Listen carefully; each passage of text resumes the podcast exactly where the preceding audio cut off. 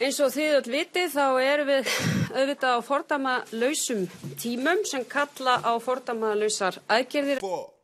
Fordama lausum tímum, fordama lausar aðgerðir, fordama lausum auðvitað á tímum. Eins og þið öll vitið fordama lausar sem kalla á aðgerðir. Þriðdagur 5. mæ 2020, 51. dagur samkominnbans, nú með ringuðum reglum. Staðfest smitt eru 1799, 56 eru í einangrunn, 3 eru á sjúgrási, engin eru á gjörgæslu, 10 hafa látist. 1733 hafa náð bata. Velkomin í tíunda þátt sér útgáfu lestarinnar fordamalausir tímar. Í þessum þáttum höfum við skrásett á undarlegu tíma sem við upplifum nú. Það hvernig fólk tekst á við lífið í miðjum COVID-19 heims faraldri. Personlegar sögur úr COVID-u, heimsóknir í framlínuna og vangaveltur um framtíðina. Að þessu sinni verður sjónum beintað útlendingum á Íslandi. Við ræðum við framlínu fólk á landsbítalunum pólverja sem starfa við ræstingar á smittsjúkdómadeildinni A7. Við kynnumst einni hælisleitanda frá Bangladesh og einstæðri móður sem fagnar Ramadan, föstu mánuði muslima. Einni ræðu við undir lokþáttar við unniti skaftadóttur, professor í mannfræði um heimsfaraldur og fólksflutninga. En við ætlum að byrja þáttinn á landsbítalunum í Fossói. Dægin. Ég er frá Rás 1. Ég er svona að fara í kaffistúi ræstingamörsins. Það er hérna bara niður, niður í kjallara Já. og ferði út úr liftunni til hægri. Þá ertu komin ræsti miðstöðin. Takk. Tęsknię za Tokio świecącym jak neon Za Tel Awiwem białym jak welon Za Nowym Jorkiem deszczowym jak W sumie wróciłem dopiero Dægin. Góðan daginn, uh, Ann er ekki hana? Jú. Já, svo, nei, nei, þá. Nie kłamie jak zły.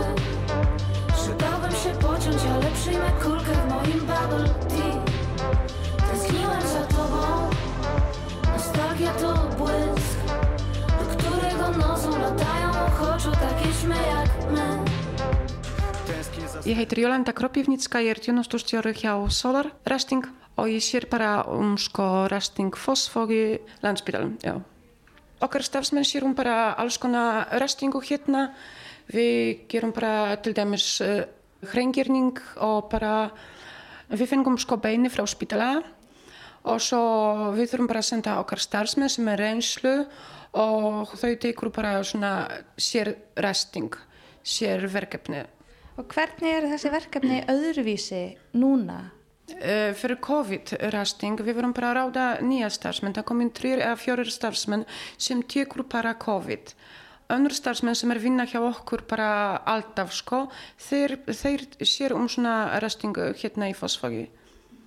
En það eru sér starfsmenn í COVID. Já, sér starfsmenn sem er í COVID, já. Og af hverju er það? Sko, fólk, okkar fólk, við verum bara að spyrja okkar starfsmenn hvort þær eru til að taka þetta og margir sem segja nei. Þess vegna við verum bara að ákveða okkur bara að ráða sér starfsmenn fyrir, bara fyrir COVID.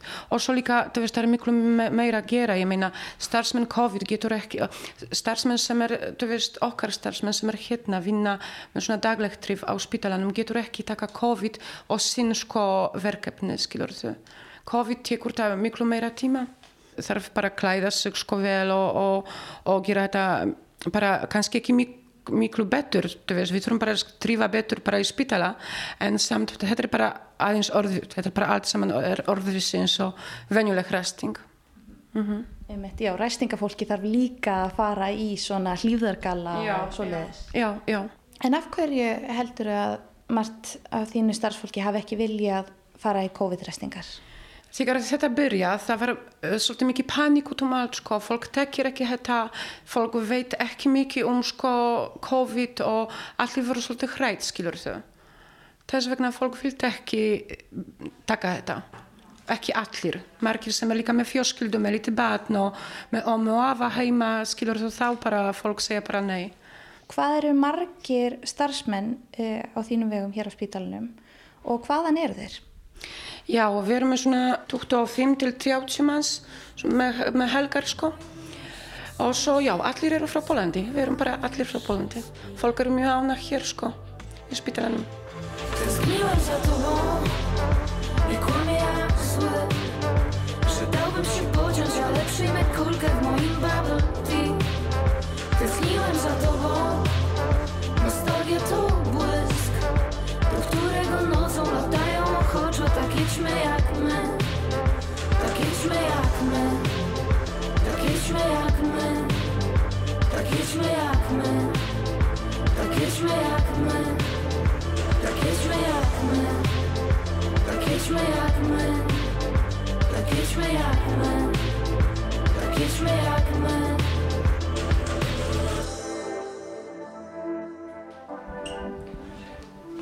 Hi, Hi, nice to meet you. Very nice to meet you. Oh, Yeah, let's do yeah. it. That's movie program, yeah.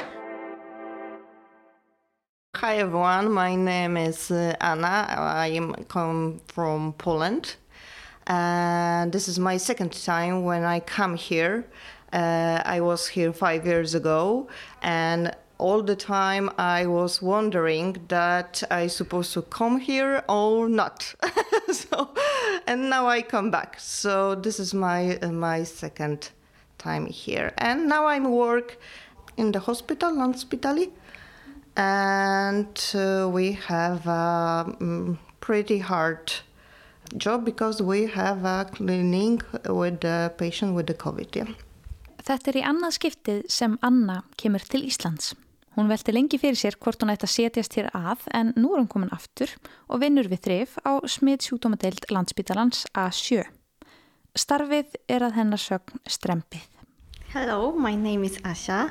I come here half year ago. I work in hospital uh, two months.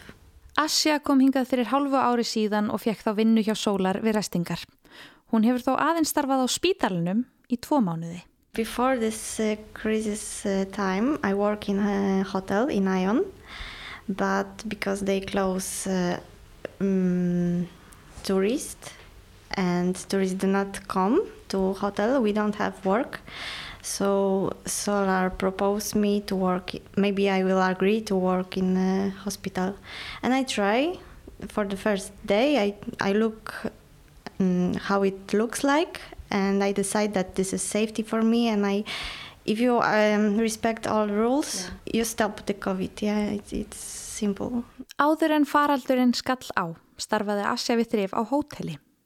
Þegar hótelið tók að tæmast bauð sólar henni að færa sig yfir á landsbítalan í COVID-þrifin.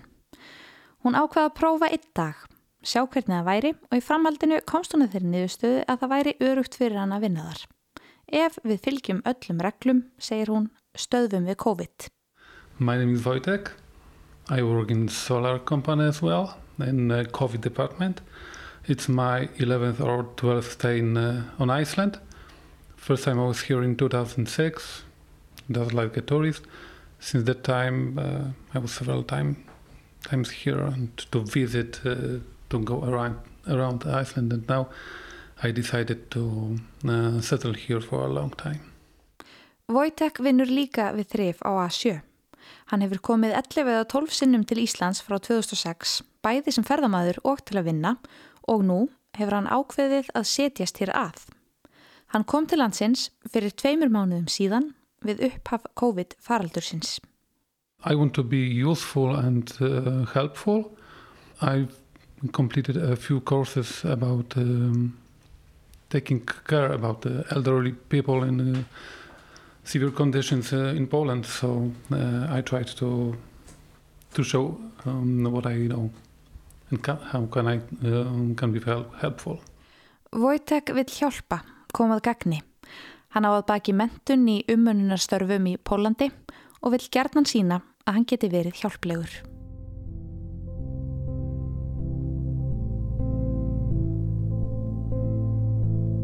It's, it's difficult to work with this suit, this uniform, but uh, we need to dress it up and uh, clean with this. It's hard, um, you, you can imagine, but we are totally also we are totally sweat under this, this un- uniform because you need to move you need to cleaning. You are moving all the time so it's hard work and we have all the time uh, marks. prints yeah marks on our face because of this mask and google. Asja segir að það sé erfitt að vinna í búnaðnum sem þeim er gefin, í smitvarnar galanum sem þau þurfa að þrýfa í. Þau svitna líka mikið í galanum en það eru þrifin oft erfiðis vinna og þau fá för á andlitið af hlýðarglerugunum. En þau þurfa að nota galana til þess að vernda sig og aðra, rétt eins og annað starfsfólk spítalans, hjúgrunarfólk og læknar. But we, we need to use this to protect ourselves, patient and co-workers, also nurse, doctors, everybody wear these clothes. The first thing is um, our glasses because after 15 or 20 minutes there was totally fog on uh, on these glasses. So uh, it means uh, we cleaned sometimes twice to be to be in you know in good shape. Sometimes it was funny but sometimes really it wasn't. Eftir 15 eða 20 mínútur af þrifum er komin móða á hlýðarglerugun Þess vegna þrýfaðu stundum sömu hlutina tvísvar til að vera vissum að þeir séu öruglega hreinir. Stundum er það fyndið, stundum er það alls ekki fyndið. Yeah, it was stressful and first day and also now we have mask. It's hard to breathe even in, with this mask. So after all day we are tired. Yeah, yeah we, we come home, we take a shower and we go to the bed to take a rest. Yeah, because we are really tired. Asja segir starfið hafa reynd á frá fyrsta degi. Það sé óþægilegt að anda með grímurnar og þau séu úrvinda eftir vinnudaginn. Þau komi heim og leggist beint í bólið. Sometimes it was hard, but sometimes there were, there were uh, really funny situations or very nice situations because uh, um, patients um, were lying uh, in the rooms.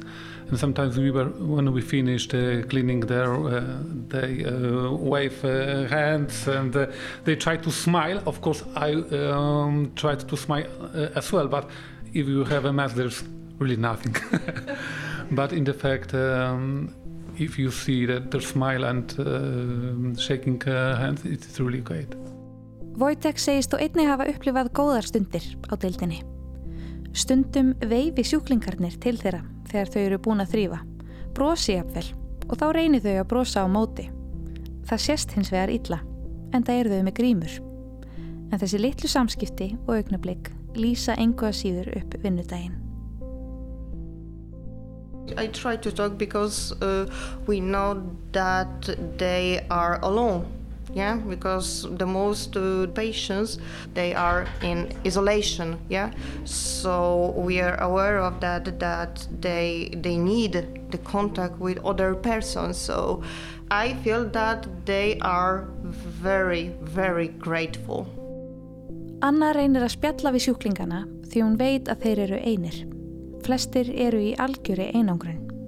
Ræstingafólki er meðvitað um að sjúklingar þurfa á samskiptum við annað fólk að halda og þeir eru afar þakkláttir. It's good to say maybe just god daginn or take a little conversation. Yeah. we have just a little words in Icelandic language, but it's enough because not every patient knows uh, English, yeah, so sometimes it's hard to say something. But uh, simple, how are you? Yeah, it's, it's sometimes enough to, to make smile. Þau Asja, Anna og Wojtek kunna ekki mikla íslensku og sjúklingarnir tala mismikla ensku. Asja segir þó að oft sé einfalt góðan daginn nóg til að laða fram brós.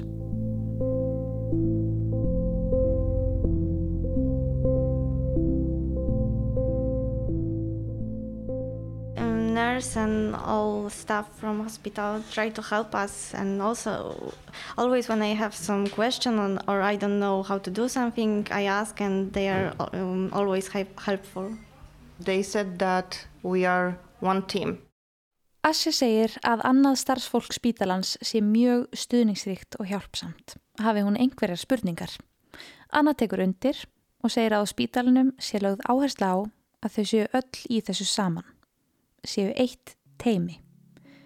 Fyrir þau sem ekki koma frá Íslandi sé mikilvægt að líða eins og þau heyri einhvað síður til. Yeah, so for us when we not uh, not come from Iceland, yeah, uh, it's really important to feel like like a home, you know. To wszystko było dla ciebie, całe to zamieszanie.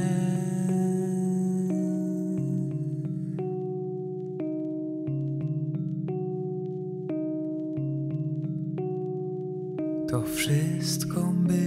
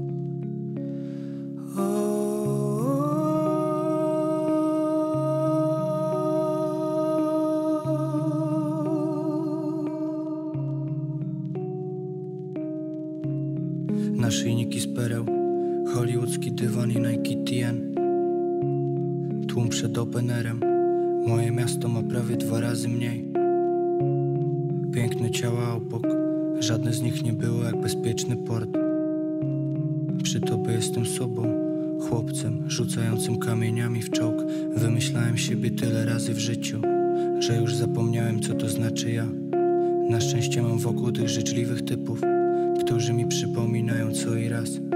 Jestem marketingiem i nieśmiesznym memem. Czy mam drogie logo, czy ten sprany tis? Mogę być kim zechcę dla was, a sumienie dawno mnie nie gryzie, już stępiło kły. Myślisz, że naprawdę mnie to rusza, dziecko? Żadne twoje słowo mnie nie może boleć. Mogę być tym cfelem ćpunym całą resztą, pomazanym chujem, tak jak ławka w szkole. Pieniądz nigdy nie był celem samym w sobie, no i teraz nie jest moim celem nadal. Zostałem raperem i po to to robię Bo naprawdę nie potrafię wcześniej wstawać Obok mnie są ludzie, którzy ze mną byli pieprzonych melinach na pieprzonej krze Nie interesuje mnie czym inni żyją Nie mam na nic czasu już tylko na miłość.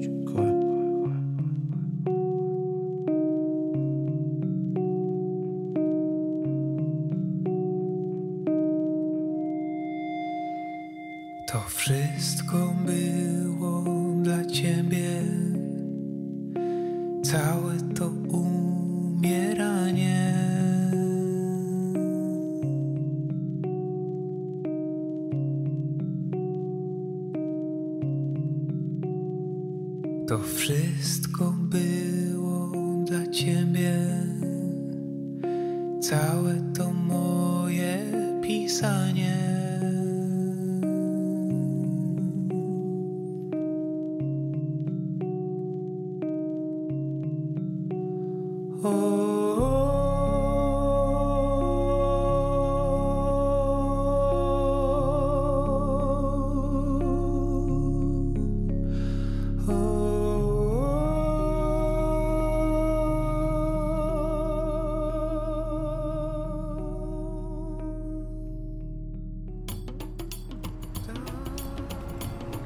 Við erum stödd í verslunar og yðnar hverfi í miðri Reykjavík sent í apríl. Hér bak við austurlenskan veitingastað og verslun með matvörur frá fjarlagum heimsórnum er húsnæði fyrir hælisleitendur. Ég mælt mér mót við einn íbúa til að heyra hans upplifun af COVID-19 faraldrinu. Við komum okkur fyrir utandira en það segir hann ólíklegt að öryggisvörður muni hleypa mér inn í húsnæði og það geti ég vel skapað honum sjálfum vandræði. Á það viljum við ekki hætta þannig að við höllum okkur upp að vegg reyndar fullnálat einhverju suðandi tæki sem skerðir hljóðgæðin. Um, my name is MD Raj- Rajibul Alam. I came from Bangladesh. And how long have you been staying in Iceland? One year, two months. I am asylum seeker, refugee here. Rajibul sem er frá Bangladesh segist hafa verið hér á landi í um 14 mánuði og sóst eftir hæli. Tvísvar hefur hann hins vegar fengið neitunum alþjóðlega vernd sem hann segir mér að hann þurfi, ef ég skil hann rétt, vegna erja við valdamikla aðila í landinu. Einkona hans og tvö börn, þryggja og einsás, eru enn í uppröðunlandinu á meðan fjölskyldu fæðurinn sækist eftir betra lífi á Íslandi. And so now you live with a lot of people in here. Yeah, we are a lot of people here. Maybe 30 people here. How many together in, in one room? One room, one people. Okay. Every room have every own kitchen. Mhm. So when uh, start COVID-19, this time everybody live on room, on room, on room. But be, be, before, how was it before? Before two people. Okay. But if you seek this time on, so before I all seek here on here, that's why they are give me on room. Hann segir að um 30 hælisleitundur búi nú saman í húsnæðinu, yfirleitt hafi þeir verið tveir og tveir í herbyggi, sofið í kójum, en vegna farsóttarinnar sé aðeins einn í hverju herbyggi núna. Hann hefur reyndar búið sjálfur við þann munað í nokkuð tíma vegna annara veikinda. Hvert herbyggi segir hann að sé með sitt litla eldhús en sameinleg rými séu nú takmörkuð. Has, has anyone here become sick with the coronavirus? No, no, our here nobody coronavirus sick. Nobody. We are all safe for Yeah. the coronavirus. Yeah. Ratibúl segist ekki vita til þess að neitt íbúi í húsnæðinu hafi grinst með COVID-19. Hann segist sjálfur trúa því að Guð verndi hérna hjálparlausu og því séu flótamennir örugir um sinn. Raunar segir hann lítið rætt um áhyggjur tengdar vírusnum í húsinu en það eigi heimilismenn nóg með aðrar áhyggjur sínar. Þeir óttist um lífsitt af öðrum sögum. Because God help us, because we are helpless. Helpless people all time God help. So Iceland maybe no refugee attacked any coronavirus. Mm-hmm. And we are not understand what is coronavirus. We are all time depression for our life. Yeah, so you don't worry about this virus because you have other problems to worry about. Yeah, we are worried our life. We are not worried for coronavirus. It's not nothing. Hann segir ennfremur að tengsl hælisleitendana við aðra íbúa landsins séu svo takmörkuð hann sjá ekki þörf á varúðaraðstöðunum á borðið nótkun gríma eða hanska. Samskiptin séu einfallega of lítil. What, what about in your home country? Uh, are people getting sick there? Do you follow the news from your home country about the virus? Yeah, my country every day attack 300, 400 is published news, but uh, maybe more. Hann segist meira að fylgjast með fréttum af vírusnum í heimalandinu heldur en hér en þar hafa nokkur hundruð manns greinst daglega en hann segir þá tölu hæglega geta verið mun herri en það ekki víst að ofinberra tölur séu réttar. Ratibúl segir fjölskyldu sína vera í felum og koronaveran sé ekki þeirra helsta áhyggjaefni. No, my family is hide. Það er fyrst eftir að þú hefur tryggt öryggið þitt sem þú getur haft áhyggjur af heilsunni, segir hann mér. Fyrst líf og svo heilsa, segir hann. We are afraid our life. First, you life safe after your health. If you die, so so first we, our think about our life. First live, then afraid for any health issue. So we are worried our safety. Can we maybe move a little bit because this noise is not very good? Á þessum tímpunkti hef ég tekið eftir þessu óþólandi suði í bakgrunnum svo við færum okkur hinum einn við húsið. Security guard, you know. Yeah, yeah, I know, I know. If he, he saw, maybe Yeah. he problem.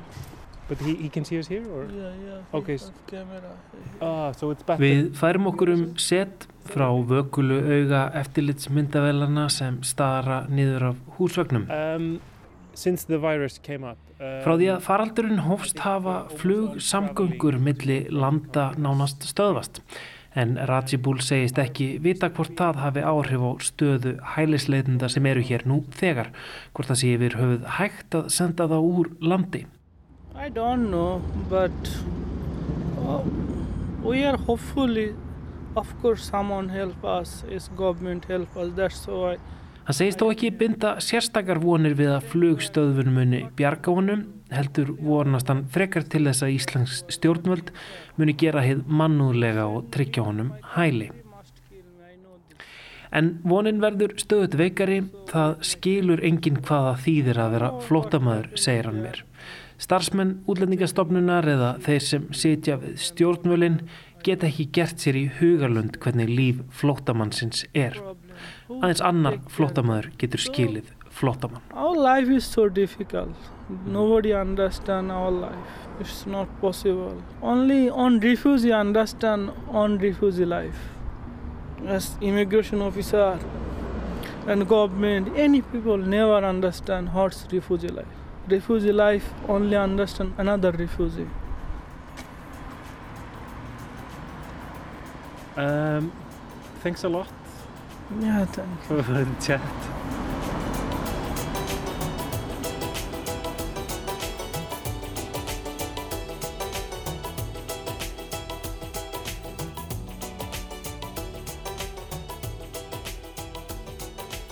Hún er sest hérna hjá mér, Unnur Dís Skaftadóttir, um, prófessor í mannfræði við Háskóla Íslands. Um, við ætlum að ræða um áhrif faraldursins á um, já, erlenda íbúa Íslands og, og, og kannski um, innflytendur og flótafólk almennt svona á heimsvísu. Um, þetta hefur náttúrulega, faraldurinn hefur haft rosalega mikil áhrif á öll ferðarlög milli landa, um, allar samgöngur kannski bara til að byrja með svona þegar þetta skall á þá varst þú nú Erlendis eh, einmitt þegar, uh, varst í bandaríkjunum þegar bandaríkjafórsetir lokaði á samgöngur milli Evrópu og bandaríkjana Já, ég var mjög fegin að komast heim þá vegna þess að ég fór með síðustu vél frá Minneapolis til, til Reykjavík, til Íslands sagt, fjór, 13.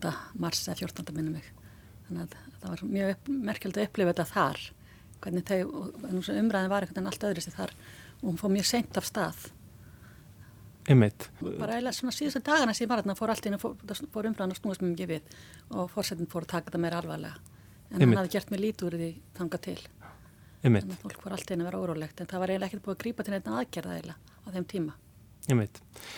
Unnur, þú, þú hefur um, já, mikið rannsakað uh, útlendinga á Íslandi og, og bara svona nattvæðinguna almennt þessar svona fólksflutninga um, milli landa um, á undarförnum áratugum. Um, það lítur rosalega svolítið merkilegt að sko, við höfum verið á leiðin í, í átta svona tengdari og tengdari heimi og opnari og opnari landamærum að, að sjá allt í einu verða snar öfuga þróun á svona örstutum tíma. Já, það er líka mjög sérstaklega áhagverð fyrir mig að því eitt af mínu svona viðfangsefnum að, að áhugaefnum innan mannfræðinar og nattrætna fræða er einmitt landamæri og skilgrinning á landamærum og hverju tilhera, hverju mega tilhera uh, þjóð eða þeim sem eru innan landamærina og hverjum haldið utan við.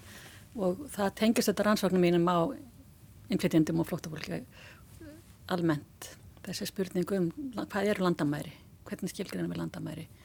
Og hvernig breytast og hvernig veist, breytast með tímanum og hver skilgreinir? En núna allt einu, eins og við við erum búin að vera með þennan opnum landamæri innan Evrópu og nú allt einu lokast og það hefur þetta mikil áhrif á þetta frjálsa flæði fólk sem hefur komið til að vinna oft tímabundið Einmitt. innan, innan Evróskatnaðsæðisins við sem að um, erum fætt og uppalinn á Íslandi við höfum náttúrulega búið við mjög mikinn svona um, luxus, við höfum getað ferðast nánast um allan heim til til að auðveldlega, nánast öll landamæri hafa staðið okkur opinn þannig að það var svolítið áfall fyrir, fyrir marga alltíðin að get ekki, get ekki ferðast um heiminn. Um, en þetta er auðvitað veruleiki sem hefur verið veruleiki já, stór sluta heimsins hinga til um, maður, maður í upphafið þá veldur maður fyrir sér hvort að við værum öll að fara uh, búa í svona um, afmarkari, við afmarkari landamæri en, en sko manni veriðst kannski núna að, að þetta muni jafnvel bara uh, festa í sessi þessa misskiptingu til, til ferðalaga sko. Við sjáum alltaf að, að misskiptingi til ferðalaga var alltaf mjög, það var mikil misskipting uh, hvað það var þar fyrir þennan tíma. Þannig að það er ekki, það, að við hérna innan Evrópu höfum upplifað það frelsi og við sem höfum íslest vegabrif hefum átt auðvelt með að komast við það, þá er það alltaf ekki veruleikri mjög margra sem hafa annarkvort verið fastið einhver staðar í, í flótamannabúðum eða hafa hátt mjög takmarka val. Margir þeirri sem hafa komið til Íslands að vinna sem hafa komið ekki frá Europasambandinu eða Európska efnaðarsvæðinu þegar við ekkert endilega valið Ísland. Þetta var bara, það opnast kannski möguleiki og þú ferð hingað og síðan heldur hún að vinna hér. En til dæmis í, í síðustu kreppu sem sagt sem, þá var náttúrulega ekkert endilega mikill möguleiki fyrir fólk að fara eitthvað annað nefnum þá sem komið frá Európska efnaðarsvæðinu aðrir þeir, þeir gott ekki bara ákveða að fara til Noregs eða ef þú varst ekki með komið með Íslands ríkisfang. Þannig að þetta ríkisfangi skiptir miklu máli. En þá náttúrulega samt fóru margir. En það fólk held líka fyrir að flytja þannig að nú erum við allt annar stöðu. Þegar landamær hafa bara lokast og við veitum ekki hvernig það opnast og líklega bendir margt til þess að þau opnir smátt og smátt og það verði ekki alveg ekki alveg svona bara allt í einu allt opið aftur.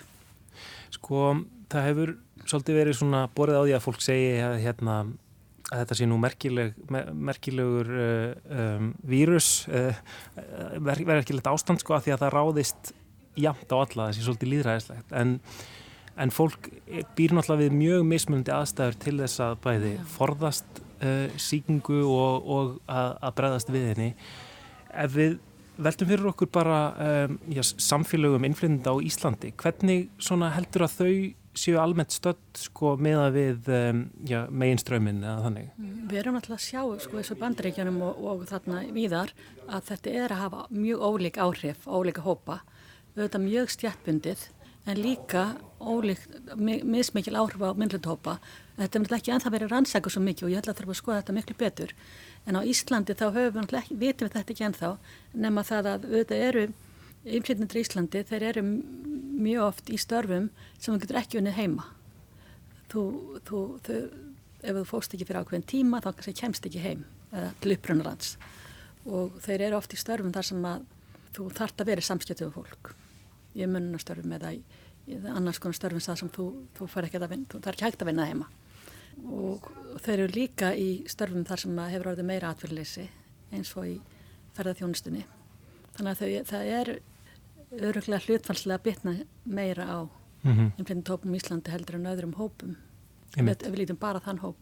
Að því að fyrir COVID þá var hlutfalslega hátt hlutfall atverðleysi meðal þeirra. Ef við lítum bara á þá sem voru atverðleysir þá er held ég að 40% atverðleysara fyrir COVID voru elend ríksborgarar sem þá hluta af þessum hóp sem við kollum innflytjendur sem að vinnumálastofnun tekur tilbylsingar um sem stáð það sem er erlendrikisborgarar þannig að áhrifin eru hljóta að vera öðru sko þetta veitum alveg að, að, að, að innflytjendur í Íslandi eru mjög fjölbreyttur hópur. En þegar við lítum svona á stór, hópin í heildina það, við veitum að mjög margir voru, hafa verið ráðninga á lálunastörf, í lálunastörf oft tímbundna ráðningar. Og margir þeirra sem er að missa vinnu núna þeir eru mjög óveryggir Eh, og veit ekki alveg hvað býður þeirra. Eins og til dæmis bara ymsar upplýsingar sem að fólk er að fá núna ekki bara vegna COVID þessu efnaðslu aðgerðir. Fólk átt aldrei erfitt með átt að sjá því.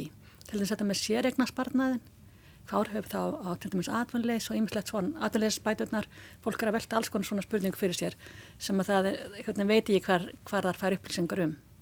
En upplýsingar um COVID og, og aðgerði kringum það þær voru nokkuð fljótlega, ekki strax en nokkuð fljótlega á mörgum tungamálum en nú þarf að halda áfram að veita upplýsingar til, til þeirra sem hafa allir mist vinnuna og Einmitt. Þetta eru kannski svona, já, upplýsingar sem er, er erfitt að nálgast á, á öðrum málum heldur en íslensku ja, Það er nú eitthvað á pólsku og ennsku en það eru fleiri tungumál og svo þarf kannski líka að fólk bara fá aðgang að geta að tala við einhvern spurt person beint. Einmitt. Þú segir að, að hérna, já, þú, þú rannsakaðir svona hvað, um, hvað gerðist eftir uh, og í og eftir síðasta hrun, hvernig, hvernig svona þróunin var með um, innflindur og, og, og erlend, erlend verkafólk á Íslandi. Um, það var einhver fækkun um, en fólk held áfram að koma Já.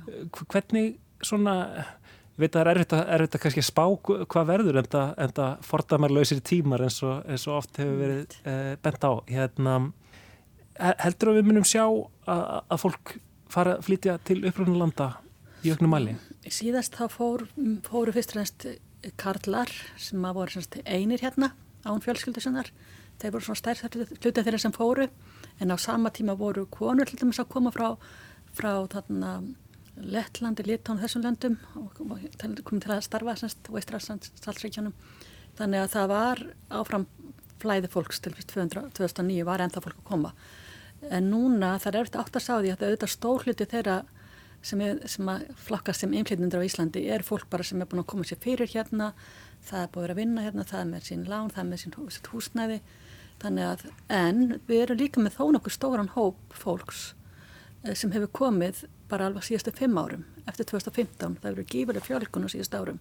Og mikið af þessir ungt fólk sem er að vinna í, í ferðarþjónistinni og þetta er náttúrulega svolítið annar hópur heldur en, við, heldur en var fyrir tíu árum. Mm. þannig að það er erfitt að spá hvað verður um hvort þau fara eða hvort að þau og hvort að þau séu bara farin mikið af þeim sko, við veitum það ekki. Er og það... nokkur hluti þeirra var búin að missa vinnuna fyrir sko þannig að það er erfitt átt að sá því hvað verður. Þetta Já. er ekki sama hóp, þetta er alltaf aðra hópar.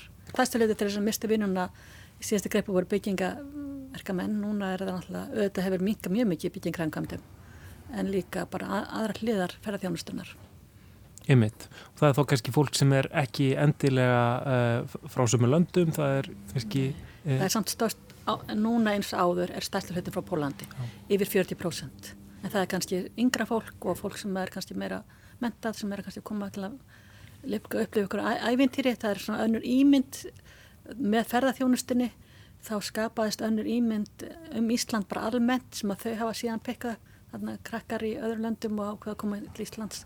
Þannig að það er svolítið svona annar, annar hópur mm -hmm. sem er að koma hingað líka meðal pólverja. En það, það er samt líka stór hópur fólk sem að er að sjá fyrir fóröldurum það er ekki margir á Íslandi sem að eh, ólíkt kannski Kanada og mörgum öðrum ríkjum þar sem að fólk er að koma til annar landa að vinna til að sjá fyrir börnum, auðvitað er eitthvað um það en það er mjög mikið fólk sem er að sjá fyrir eldri fóröldrum og slíkt. Þannig að það er ekkert endilega alltaf hægt bara að stökka stað og fara heim. Fólk hefur áhenni sér réttin til atvinninsbóta hérna. Og það, það, þannig að það er eftir svona sem að það, það er ekkert endilega, leikur ekkert endilega beint við að fara bara strax. Mm -hmm. þegar sem rétt að vinnumarka við fólk sem kemur á, frá þarna öru á skefnaðsvæðinu Umræðan í íslensku samfélagi um, já, sko, um, umræðan almennt í heiminum um, það kannski, já það óttuðist margir og í upphæfið þessa faraldurs þá um, já, voru fréttir viða erlendis frá að það væri reynlega rasismi tengt þessari veiru og þá kakvart yeah. fólki á asískum uppruna um, við höfum kannski sko já, veiran komið hérna með uh, svona íslenskum ferðamönnum sem voru á, á skýðum í Ölbónum um, þannig að sko orðaræðan og umræðan tengt veirunni hefur svona ekki tekið svona þessar kannski rasísku myndir hér eins og við annar staðar. Ekki eins og í bandaríkjunum þar hefur fórsetin sérst bara eiginlega alveg ítt undir það með það að tala um þetta sem kínverskan vírus en betur hefur, hefur ekki séð þetta hér en við sáum þetta eftir síðustu greppu að það var svona ákveðin viðhórum það að, að innflytjandi þurfti síður á vinnunhaldi eða eitt Íslandi gætt að ganga fyrir. Og við fundum það til dæmis meðal okkar viðmannanda og okkar rannsókn. Ég og Anna var tinska við gerðum bæði könnun og viðtalsrannsókn þar sem að fólk talaði mikið um það að það væri meiri krafin áður um að tala íslensku. Þannig að það er alls konar svoleis og, og nú hefur líka, í dag eins og þá mjög mikið af fólki sem er nýkomið þá hefur við líka mikið fólki sem hefur komið eftir 2005, núna erum við mikið fólki sem hefur komið eftir 2015 mm -hmm. þannig að þetta er kannski ekki ennilega fólk sem hefur haft tækifæri eða að verið aðstöðla að læra íslensku Einmitt. þannig að þá er spurning hvort það geti fengið starf aftur við, við hæfi hvort að hvort að það geti farið í sömurstörfin aftur því sömur á þeim tíma komst ekki sömurstörfi það verið áður út af því að þeir út af því íslenskan fór alltaf að skipta meira máli jafnvel við þrif eða einhver að þú hafður ekki áttur ekki samskipti. En í ferða, ferðaþjónustunni þá náttúrulega hefur áherslan verið ekkert endilega á konar íslensku því fólk þurfti náttúrulega að tala bara við ferða, ferðahólkið, ferðamennina. Þá var ennskan ofta alveg nóg. Um, En sko, já orðaræðan um, Víða Erlendis hefur svona tekið, tekið á sig svona soldið um, þjóðurnis kendar þjóðurnis hyggjullegar myndir og, og má kannski að vissuleiti segja á Íslandi að, fólk er mjög stolt að því. Hvernig hefur verið tekist á við veiruna og, og kannski jara stundum við svona soldið hérna e, mikið þjóðarstolt? Um, og maður veldi fyrir sér sko hvort að um, já, þetta geti þróast út í það sko að nú, nú náttúrulega stöndum við fram fyrir því að að, um, að veiran er orðin mjög lítil hérna á landinu og, og þá er ógnin hreinlega bara utan mitt, og, og, og svo orðræða kannski getur orðið, orðið svolítið hættulega að, um, að ógnin séu útlendingar. Það er líka áhugavert að sjá hvernig þetta Ísland besti heimi kemur alltaf upp aftur sko. Er svolítið mikið tannig sem við sjáum núna þessi orðræða. Jú, þetta er eitthvað sem við þurfum að velta fyrir okkur. Að því við sjáum alveg að eitt af því sem ger, veikir stöðu erlends fólks á vinnumarkaði er, einmitt ofta þessi takmarkað aðgangur. Til dæmis það að segja nú ætlum við ekki að hleypa fleirum innflytjandum inn. Þá, þá það gerir uh, þeim sem eru erlendi starfsfólki miklu erfiðara með að gera kröfur því þú alltaf að þú, þú óttast að ef þú gerir einhverju kröfur eða hvart þá verður að láta þeim fara og þetta er eitthvað sem ég óttast til dæmis við erlendi þar sem hefur verið að veita undanþáur það verður að veita undanþáur í löndum þar sem að til að, til að ráða fólk sem hefur hingað til ekki haft neinn lagaleg réttindi til að vinna eins og bara þeir sem er að koma til bandaríkjana að, að uppskýrutímum eða til spánar eða til að týna bera í Nóri eða Svíþjóð frá Tælandi.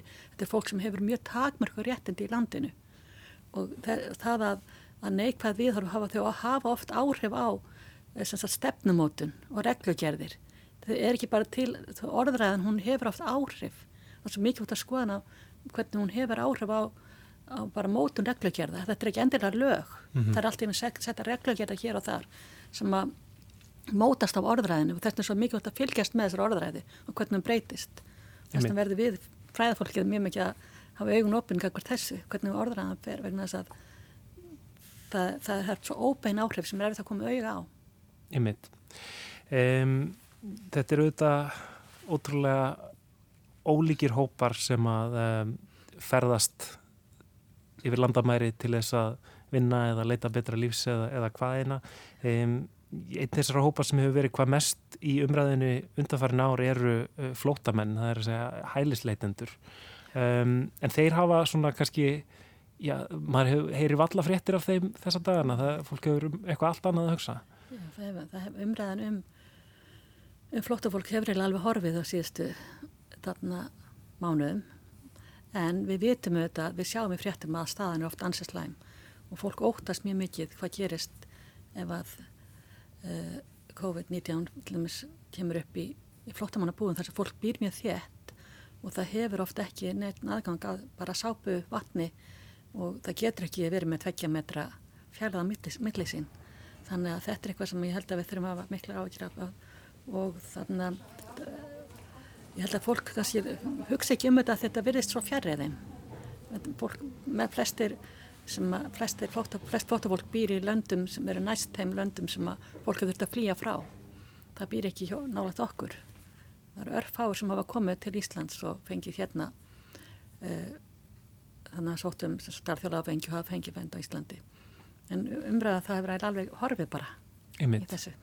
Einmitt. En ég held að þeir eru einmitt viðkamsta hópurinn. Einmitt. Og sérstaklega þeir sem hafa viða um landið held ég að staða þeirra sem hafa fengið höfnun þeir, hún getur verið mjög viðkvæm vegna þess að það er oft fólk sem hefur ekki aðganga heilbyrðiskerfi, dettur út úr kerfinu mjög víða ef þú færið höfnun. Og þá ertu mjög svona hvað það gera ef að þú veikist eða hvað það gera myndu þá að vita að þú sért til dæmis með einhver enginni en þess að staðan er mjög, getur verið mjög viðkvæm þeim þegar svo list kemur upp á þess að Einmitt Unnudís Skaftadóttir, professor í mannfræði við Háskóla Íslands. Takk kærlega fyrir komina í lestina. Takk þér fyrir. Í litlu eldhúsi í lítilli götu, rétt austan við Snorrabraut, er kvöldverðurinn að verða tilbúin. Sæta El Busati er búin að vera að elda og baka í allan dag en hún hefur ekki enn bragðað á matseldinni. Í dag er fyrsti dagur Ramadan og Sæta er fastað frá sólaruppbrás til sólseturs. Eh, síðasta mati á mér það var í gerðkvöldi klokkan 2 morgun. Ég drakka bara mjölk, eitthvað svona lett. Hvernig er búið að líða dag? Bara vel, mjög gaman. Ég er búin að baka og elda, nóg að gera. Já, nóg að gera. Er ekki erfitt að baka og gera þetta allt saman þegar að þú mátt ekki smakka? Nei. Ekkert? Nei, ekki erfitt. Nei, ekkert. Það er mjög gaman. Nafn Sætu er skrifað S-A-I-D-A en á íslensku hljómar það eins og maður sé að kalla hana Sæta sem hún er. Hún er lágvaksinn full af gladveri orku og með brós sem nær alveg til augnana. Hún klætti sig aðeins upp í tilöfni dagsins, skartar fagurbláum kjól og hísjab í stíl. Littla borðið í stofun einar svignar undan veitingum. Það mætti ætla að hún ætti vona á stórum hópi gesta. Vanalega væri það enda raunin. Annarkvort væri hún með gesti eða gest komandi hjá öðrum. Kanski væri hún jafnvel í moskunni í skóarlið að elda ofan í tugi manns. En í dag eru engir gestir lefðir og dótturinnar hefur afsakað sig inn í herbyggi sitt. Fyrir utan forvitna útaskonu er sæta einn á ramadan. Það var kalla sko og Hvað var, var það sko, bænakalli? Já, bænakalli kom í byrjað. Við erum að fá að drekka eitthvað svona fyrst. Við erum að drekka vatn til dæmis eða mjölk mjög sett hvernig fólkin sko. Það betra er svona sko trúst ekki. Þrjár döðlur? Já. Þetta er jótni þegar síkur þegar manniska ekki búin að borða allan daginn. Það er mista mikið svona síkur þegar ekki svona. Síkur í líka og svoleiðis. Það er gott að fá þetta fyrst Við segja Bismillah nafni Guði اللهم لك صمت وعلى رزقك افطرت فتقبل مني انك السميع العليم ذهب الظمأ وابتلت العروق وثبت الاجر ان شاء الله بسم الله Eftir að við höfum torkað döðlunum er komið að bænastund. Já. Og núna byrja tími til að bæja tími, ég ætla að byrja og svo ég kemur svo að borða. Byrja fyrst, borða svo. Hún dregur fram síman sinn og sínir mér app. Í appinu er hægt að hlusta á bænakallið og á lestur úr kóraninum með ólíkum ímömmum en í því er einnig eins konar áttaviti með bænamottu. Og til að vita svona hvað er rétt staði fyrir píði, svo það. Já, vá. Já. Þannig að appið sínir hvernig þú átt að stilla upp. Já, stilla þetta upp, sko, hvernig þú standa þessu. Það úti þetta er svona Arabíu, sko, svo það, í Kaaba. Við verðum allir muslima, skipt engum hvernig þú ert, hvernig þú ert. Það verður að vera segjað bent í svona Arabíu. Er það til Mekka? Mekka, eh, þetta er Mekka, já, svo það. Sæta dregur fram litla smaragsgræna bænamottu. Hún keft hana í heimalandinu, Marokko. Hún stillir henni upp til austurs, einhvern veginn örlítið skáhalt. Og til konur þau tala ekki svo hátt. Það sýta bara tala inn í sér, sko. Konur eiga að byggja lágum rómi, segir hún. Einlega inn í sér, þar sem rattir þeirra í bæn eru aðeins ætlaðar guði.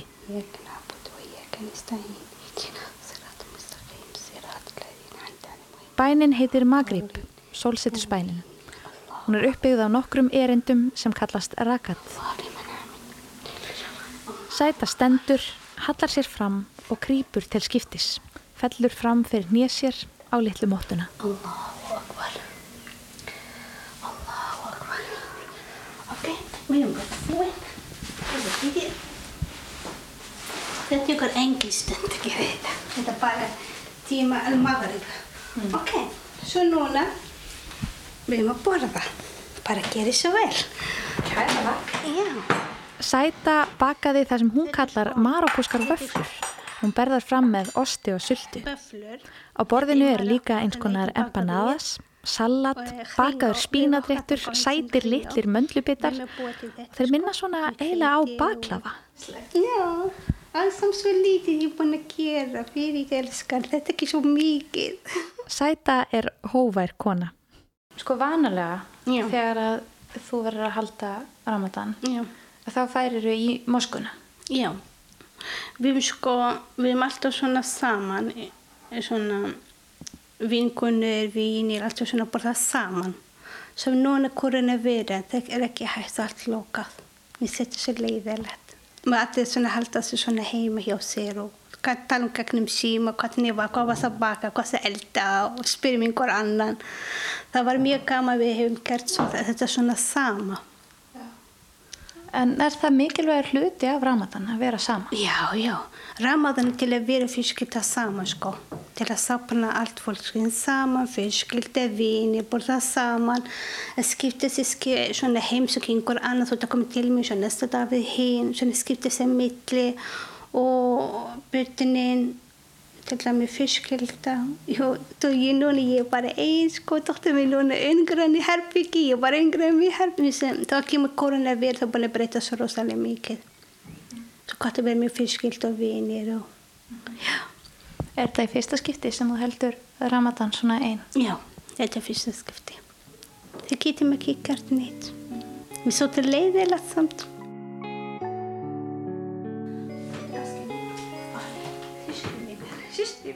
Já, endilega talaðu bara.